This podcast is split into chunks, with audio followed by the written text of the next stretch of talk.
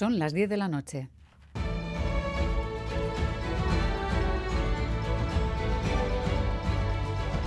Radio Euskadi y Radio Vitoria.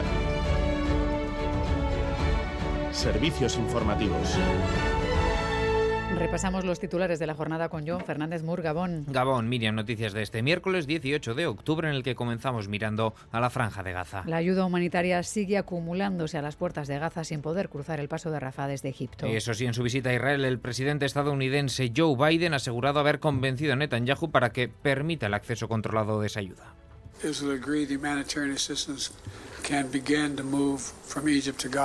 Eso sí, prácticamente al mismo tiempo que Estados Unidos en solitario vetaba una resolución del Consejo de Seguridad de la ONU que pedía declarar pausas humanitarias para la entrada de ayuda. Además, Netanyahu matizaba que lo que va a hacer Israel es no impedir la asistencia humanitaria mientras se trate únicamente de alimentos, agua y medicinas para los civiles en el sur de la franja. Añadía que se controlará su entrada exhaustivamente. Entre tanto, ambos bandos siguen con las acusaciones mutuas por el bombardeo de ayer sobre el hospital de Al-Ahli de Gaza. Israel mantiene que la explosión habría causado un cohete fallido de un grupo terrorista. El portavoz del ejército israelí, Daniel Hagari, aseguraba que se trata de la yihad islámica palestina. They went as far as inflating the numbers of casualties, that it was a rocket misfired by Islamic Jihad. Algo que la inteligencia de Estados Unidos corrobora. Entre tanto, jamás culpa a Israel de la masacre. También el gobierno palestino ve indiscutible la autoría israelí, lo decía su presidente Mahmoud Abbas que añadía que fue un acto deliberado y que no se puede dejar pasar. Hoy se han producido multitudinarias manifestaciones pro-palestinas, sobre todo en el mundo árabe. Además, el alto representante de la Unión Europea para Asuntos Exteriores ha hecho autocrítica. Ha dicho Josep Borrell que la implicación en el conflicto no ha sido suficiente. No hemos hecho todo lo que habría que haber hecho para que los acuerdos de Oslo se lleven a la práctica. El número de colonos palestinos en los territorios ocupados se ha multiplicado por tres y el espacio del posible Estado palestino se ha ido reduciendo y recortando.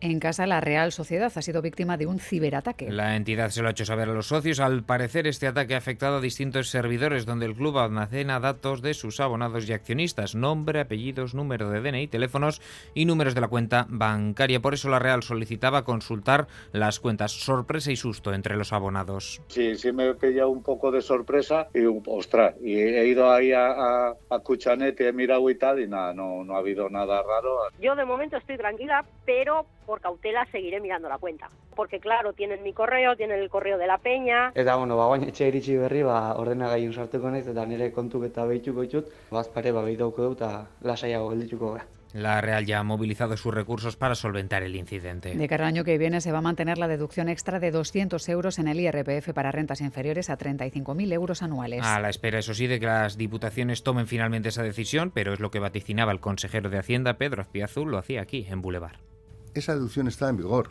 a la renta del 23 que se hará en el año 24. De cara a futuro, bueno, de cara a futuro yo creo que ahí por parte de las diputaciones y el gobierno hemos estado, insisto, comentando esas cuestiones, bueno, y veremos, yo creo, yo creo que sí se va, pero todavía no hay tiempo para tomar esa, esa decisión. El 95% de la población no considera la inmigración un problema para Euskadi. Según el informe anual de Icuspegui, predomina una actitud tolerante hacia la inmigración, aunque rebaja en casi tres puntos el índice del pasado año. Además, un 23% de la población opina que habría que devolver a su país de origen a los menores no acompañados, subida de 10 puntos en este apartado en 2023. La directora de Icuspegui, Juliana Sernesheva, relativizaba esos datos. Eh, a veces esas fluctuaciones se dan, pero por la situación o la agenda mediática del momento. Mm, no creemos que haya problemas graves de convivencia con este colectivo.